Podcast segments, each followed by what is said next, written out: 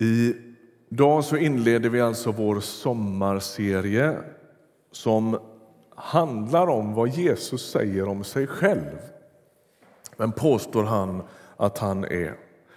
Om vi leker med tanken att du skulle vända dig till din granne i bänken och säga jag är och så skulle du lägga till ett ord till. Vad skulle du välja för ord då? Inte dagens känsla, inte sådär jag är trött eller jag känner mig lite stressad och sugen på semester eller kaffesugen eller så. Va?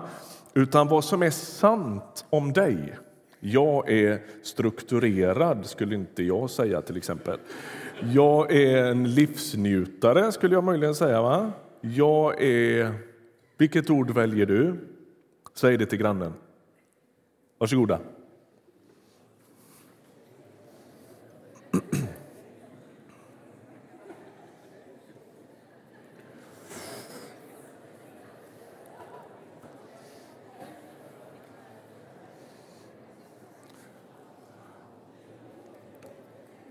Känns ju inte som att ni valde ett ord. Eller? Mm. Hörni, det blir ingen redovisning på den, utan ni får behålla det. Eh, vi ska alltså gå in i den här serien nu och under serien ska vi fundera över just precis det där. Vad, säger, vad skulle Jesus säga i motsvarande läge? Jag är... Möjligen så verkar det som att han tänker det som jag misstänker att du tänkte i bänken nu. Ja, men det kan man inte svara på med ett ord. Jag är ganska komplex personlighet. Jag behöver nog flera beskrivningar av vem jag är. Det verkar som att Jesus gör likadant. Han använder ett antal olika ord för att beskriva vem han är. Och Vi ska nämna oss, närma oss ett i taget av de där orden den här sommaren. Och Den här upptäcktsfärden den börjar egentligen på riktigt nästa söndag. Och idag tänker jag att jag skulle vilja sätta oss lite på spåret och fundera över det där med Jesus och de där jag är-orden. Det finns sju sådana i evangelierna, eller i Johannesevangeliet som vi, vi kommer att liksom uppehålla oss i Johannes Jesusberättelse under de där söndagarna.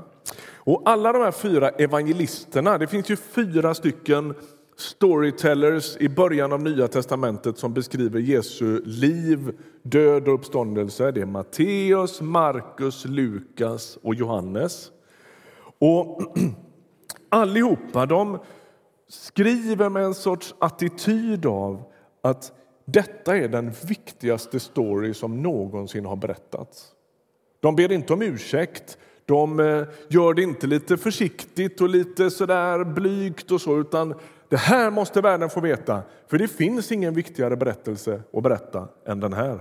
Jesus själv är hela skriftens kärna och stjärna.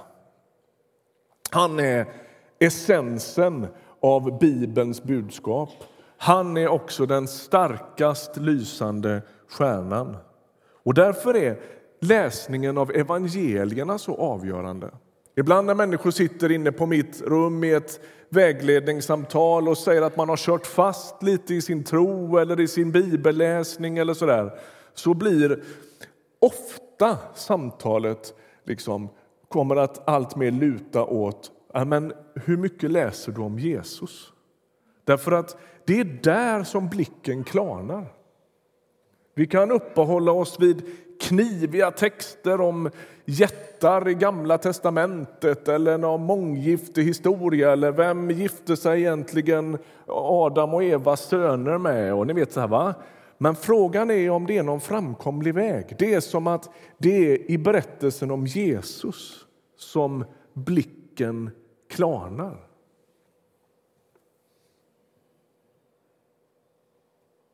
Det är berättelsen om vem han var, vad han gjorde, vem han fortfarande är och vad han fortfarande gör som allting börjar och slutar. Och på sju ställen alltså i Johannesevangeliet så använder Jesus det här uttrycket jag är på ett särskilt sätt. Och det, det uttryck han använder för det, vi kommer tillbaka till det strax, men det för osökt tankarna till Gamla testamentets beskrivning av Gud. Och när Jesus gör detta så gör han det ytterst medvetet, både han själv och åhörarna verkar ha full koll på vad det är han liksom försöker åsyfta. Vi kommer tillbaka till det strax, men vi går händelserna lite i förväg nu. Jag vill att vi slår upp Johannes första kapitel. Om du har en bibel i pappersform eller digital form eller hur du väljer att läsa den, så Johannes 1 och vi ska läsa från vers 14. Det här, medan du slår upp, kallas för Johannesprologen. De här första 18 verserna i Johannesevangeliet. Det är ett stycke världslitteratur, måste man säga. Fantastisk text. Vi kommer in mitt i. Det står så här. Och ordet blev människa och bodde bland oss och vi såg hans härlighet, en härlighet som den enda sonen får av sin fader och han var fylld av nåd och sanning.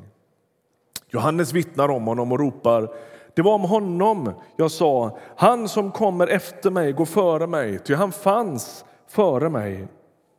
Av hans, av hans fullhet har vi alla fått del, med nåd och åter nåd. Ty lagen gavs genom Mose, men nåden och sanningen har kommit genom Jesus Kristus. Ingen har någonsin sett Gud, den enda Sonen, själv Gud och alltid nära Fadern. Han har förklarat honom för oss. Vi stannar där. I en hednisk, alltså icke-judisk värld där talade man om ordet och man beskrev det på grekiska som logos. Och det där logos det var ett uttryck i den icke-judiska grekiska Jesu samtid för tillvarons innersta kod. Det är det som håller samman världen. Det är som hela kosmos DNA för en grekisk filosof. Man tänkte sig att om man kom i kontakt med den där underliggande principen i hela tillvaron då skulle man finna livets mening. Och det Johannes gör det är att han påstår att den där principen och tanken och rena idén som ni försöker komma i kontakt med det är ingen abstrakt eh, filosofi, det är en person. Ordet, logos, det är Jesus Kristus själv. Det är han som är hela tillvarons DNA. Om du ska få någon sorts begriplighet över tillvaron och världen, om du ska kunna finna livets mening om du vill, om vi ska liksom vara lite svulstiga i språket. Livets mening, sanningen, innersta koden i vad det är att leva och vara människa. Då finns den i personen Jesus Kristus. Det är vad Johannes påstår. Vem är han då, den där Jesus? Jo, han är ordet, den som har funnits till från början. Han är den oändlige, själv Gud och alltid nära Fadern, stod det i den här texten. Texten börjar ju så. I begynnelsen fanns Logos, ordet, och ordet fanns hos Gud, och ordet var Gud. Jag vet inte om du tänker, det här var vers 1, om du är med på att det där andas som av första skapelseberättelsen. I begynnelsen skapade Gud himmel och jord. Och Det är väldigt medvetet från Johannes sida. Det är som om han antyder att här börjar den andra skapelseberättelsen. Här börjar den nya skapelsen som inträder i världen med Jesus Kristus. Det är som att Gud startar om. Är ni med? I morse när jag kom hit och skulle skriva ut en grej här inne på kontoret, det är som att alla mörkrets makter far i alla maskiner på söndag morgon. Jag vet inte vad som händer, det går inte att göra någonting och inget funkar. Kopiator och dator och allting. Starta om datorn och ange ett nytt lösenord. Lite stressad sådär va? Eh, och, och, så ska du se att det funkar och så börjar man om. Liksom. Och det är som att vad Gud gör i första kapitlet i Johannesevangeliet är att han startar om. Här inleds den nya skapelsen. I begynnelsen var Ordet, och Ordet var hos Gud, och Ordet var Gud. Och så börjar Guds plan med världen att liksom vecklas ut i de här verserna. Han är den oändlige. Han är Gud. Han har alltid funnits. Och I bibeltexter som den här och många andra texter så flyter liksom gränserna nästan ihop ibland. Fader, son och ande beskrivs på liknande sätt och inte alltid helt konsekvent. Det är som att det går inte riktigt att skilja dem åt. De är tre personer i den treenige gudomen och ändå djupt, djupt förbundna med varandra. Sonen är alltid nära Fadern, men han är samtidigt själv Gud. Och så säger texten att det här ordet, denna ur detta hela tillvarons ursprung har blivit människa. Och Det är i mötet med Jesus Kristus som vi får syn på Gud. Men det är också där vi får syn på oss själva. Gud är inte långt borta, utan han är nära. Den där Gud som beskrivs i Gamla testamentet med lite mer abstrakta termer. Va? Visheten, kraften och så vidare som ingen har kunnat se, som ingen har kunnat ta på. Ni vet när Mose och Israels folk, eh, Gud uppenbarar sig på ett berg. Och Då står det kom inte nära det här berget, rör inte vid berget för det är en sån kraft här. Och det är en sån härlighet och en sån annorlundahet, annorlundaskap runt Guds uppenbarelse så det är liksom inte riktigt möjligt för människan att komma nära. Och så här så blir den där guden som har ägt en viss mått av distans någon som blir människa. Och Jesus han fortsätter, eller berättelsen fortsätter och vecklar ut sig genom Johannes evangeliet. Och så får vi de här hintarna gång på gång att det är ingen mindre än Gud själv som är på besök. Du som är en van bibelläsare, du är med på att det där uttrycket jag är, det finns i Gamla testamentet. Låt oss läsa, vi bläddrar några blad i Johannes evangeliet till kapitel 8. Ska vi läsa en ja, på sätt och vis lite besynnerlig text. Vi läser i kapitel 8 och vers 51 och framåt. Det är Jesus som inleder här och så för han ett argument med judiska ledare. Sannerligen, jag säger er, den som bevarar mitt ord ska aldrig någonsin se döden. Judarna sa, nu vet vi att du är besatt. Abraham dog och profeterna likaså, men du säger att den som bevarar ditt ord aldrig någonsin ska möta döden. Skulle du vara större än vår fader Abraham? Han dog och profeterna dog. Vem tror du att du är? Jesus svarade, om jag själv förhärligar mig, då är min härlighet ingenting värd. Det är min fader som förhärligar mig, han som ni säger är er Gud. Ni vet inte vem han är, men jag känner honom. Och om jag säger att jag inte, att jag inte känner honom, då blir jag en lögnare som ni. Men jag känner honom och jag bevarar hans ord. Er fader Abraham jublade över att han skulle få se min dag. Han fick se den och gladde sig. Judarna sa då till Jesus, du är inte 50 år och ändå har du sett Abraham. Han svarade sannerligen, jag säger er, jag är och jag var innan Abraham blev till. Då tog de upp stenar för att kasta på honom, men Jesus försvann och lämnade templet. In, jag är och jag var innan Abraham var till, säger han. Är ni med på vilket kraftfullt statement det är? Varför tar de upp stenar och vill döda Jesus? Jo, för att han gör det fullständigt otänkbara. Han jämställer sig med Gud själv. De fattar det. De hör det. Tillbaka till kapitel 1. Ordet blev kött och bodde bland oss, står det. Det är så sprängfyllt med mening, bara den där uttrycket. Att man, någon bibelkommentator säger så här, man kan säga att resten av den här boken, alltså Johannesevangeliets 20 och ett halvt kapitel som återstår, ägnas åt att utveckla vad det uttrycket betyder. Ordet blev kött och bodde ibland oss. Det är vad hela Jesusberättelsen går ut på. Jesus uppenbaras alltså som den gudomliga logos, ordet. Det gör honom ett med Fadern.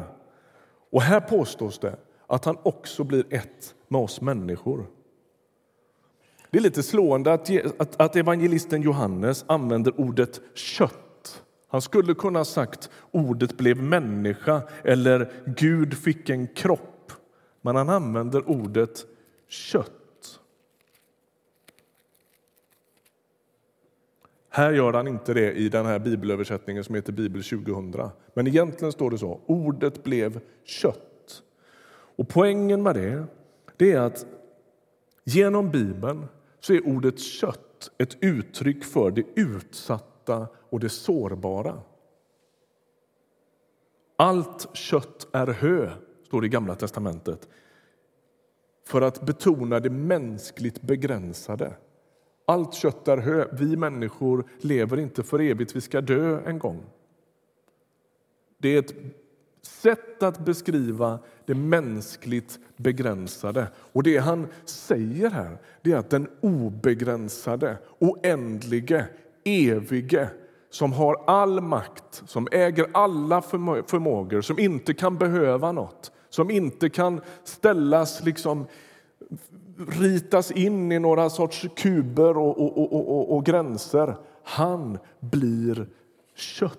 Han blir en begränsad människa. Det är ett enastående mirakel. Gud kliver in i sin egen skapelse och blir liksom en del av den.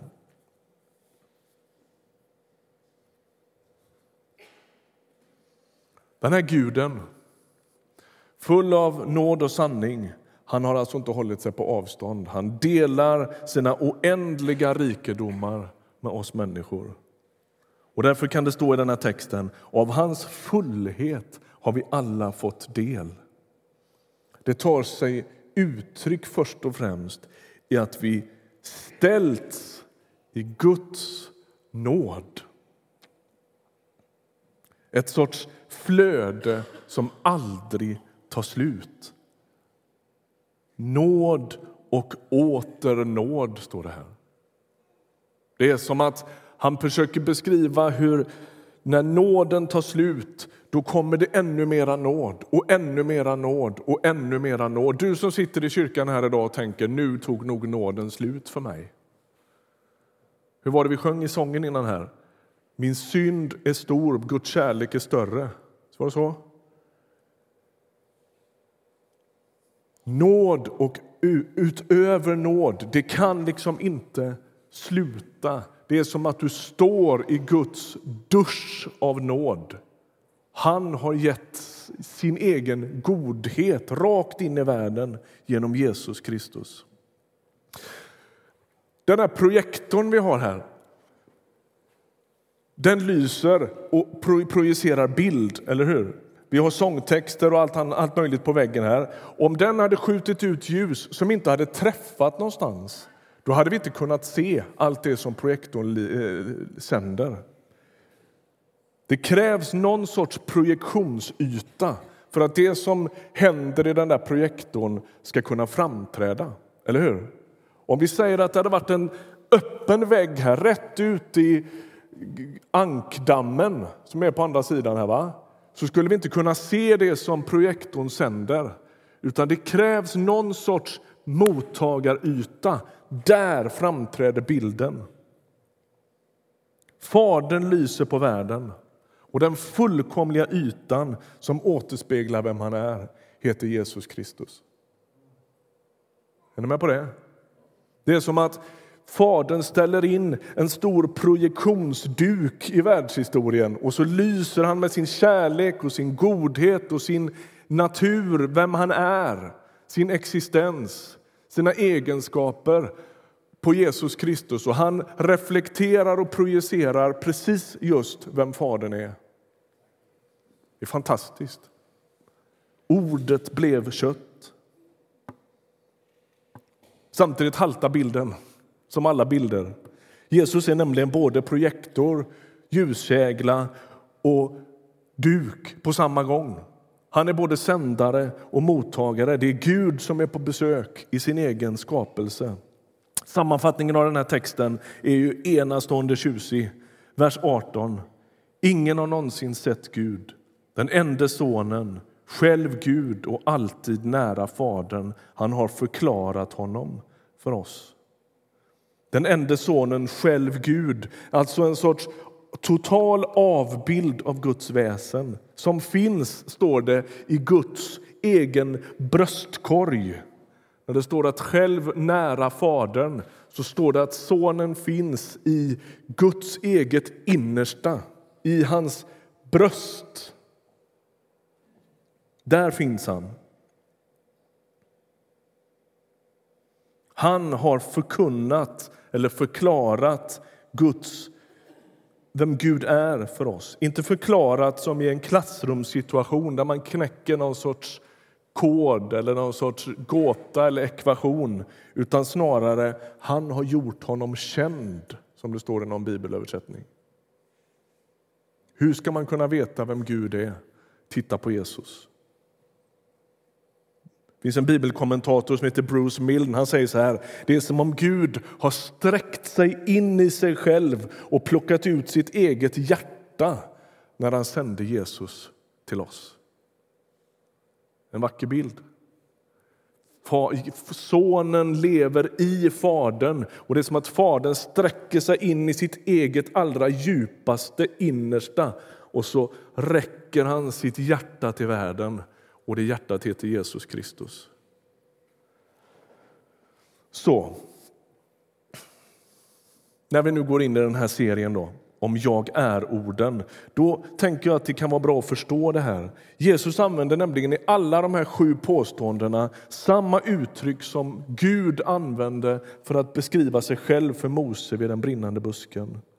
När Mose frågade vem ska jag säga har sänt mig när jag kommer till farao, då svarar Gud, jag är den jag är. Säg att jag är har sänt dig.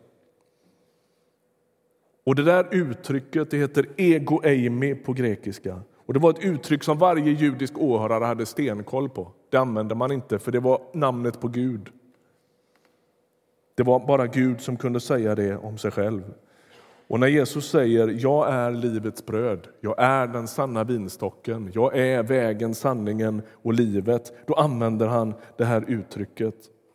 Och Skälet till varför vi ska stanna vid de här under de här sommarveckorna det är för att de säger något om vem Jesus och därmed vem Gud är till sin natur och vad han vill betyda i våra liv. Och nu blir ju slutfrågan då, som varje söndag. Vad ska du göra med den här predikan? Min önskan det är att du ska odla din fascination över Jesus den här sommaren. Jag skulle vilja inbjuda dig och locka dig, om jag kunde, att leva med Jesusberättelserna. Två saker.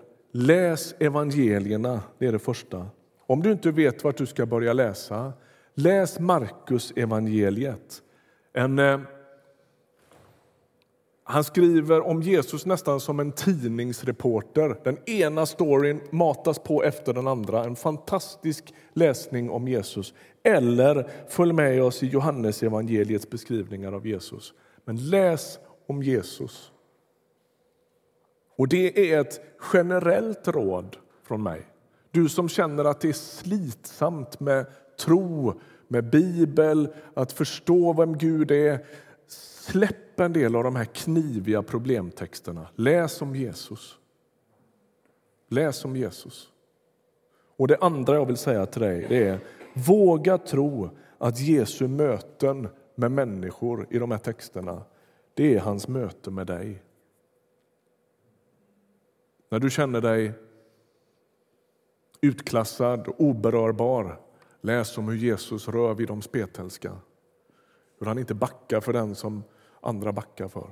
När du tänker att nu är synden i mitt liv så massiv och jag har fallit igen, så läs om Petrus upprättelse. Han lovar att inte svika, men han gör det ändå. När du behöver se ett mirakel i ditt liv, läs om alla gånger när Jesus väcker upp en död eller reser upp någon som är sjuk eller ger någon blind person sin syn tillbaka. Läs om Jesus och tro att de här berättelserna har med ditt liv att göra. Och följ jättegärna med oss i sommar i upptäcktsfärden att se vem Jesus är. Ska vi be tillsammans? Jesus Kristus,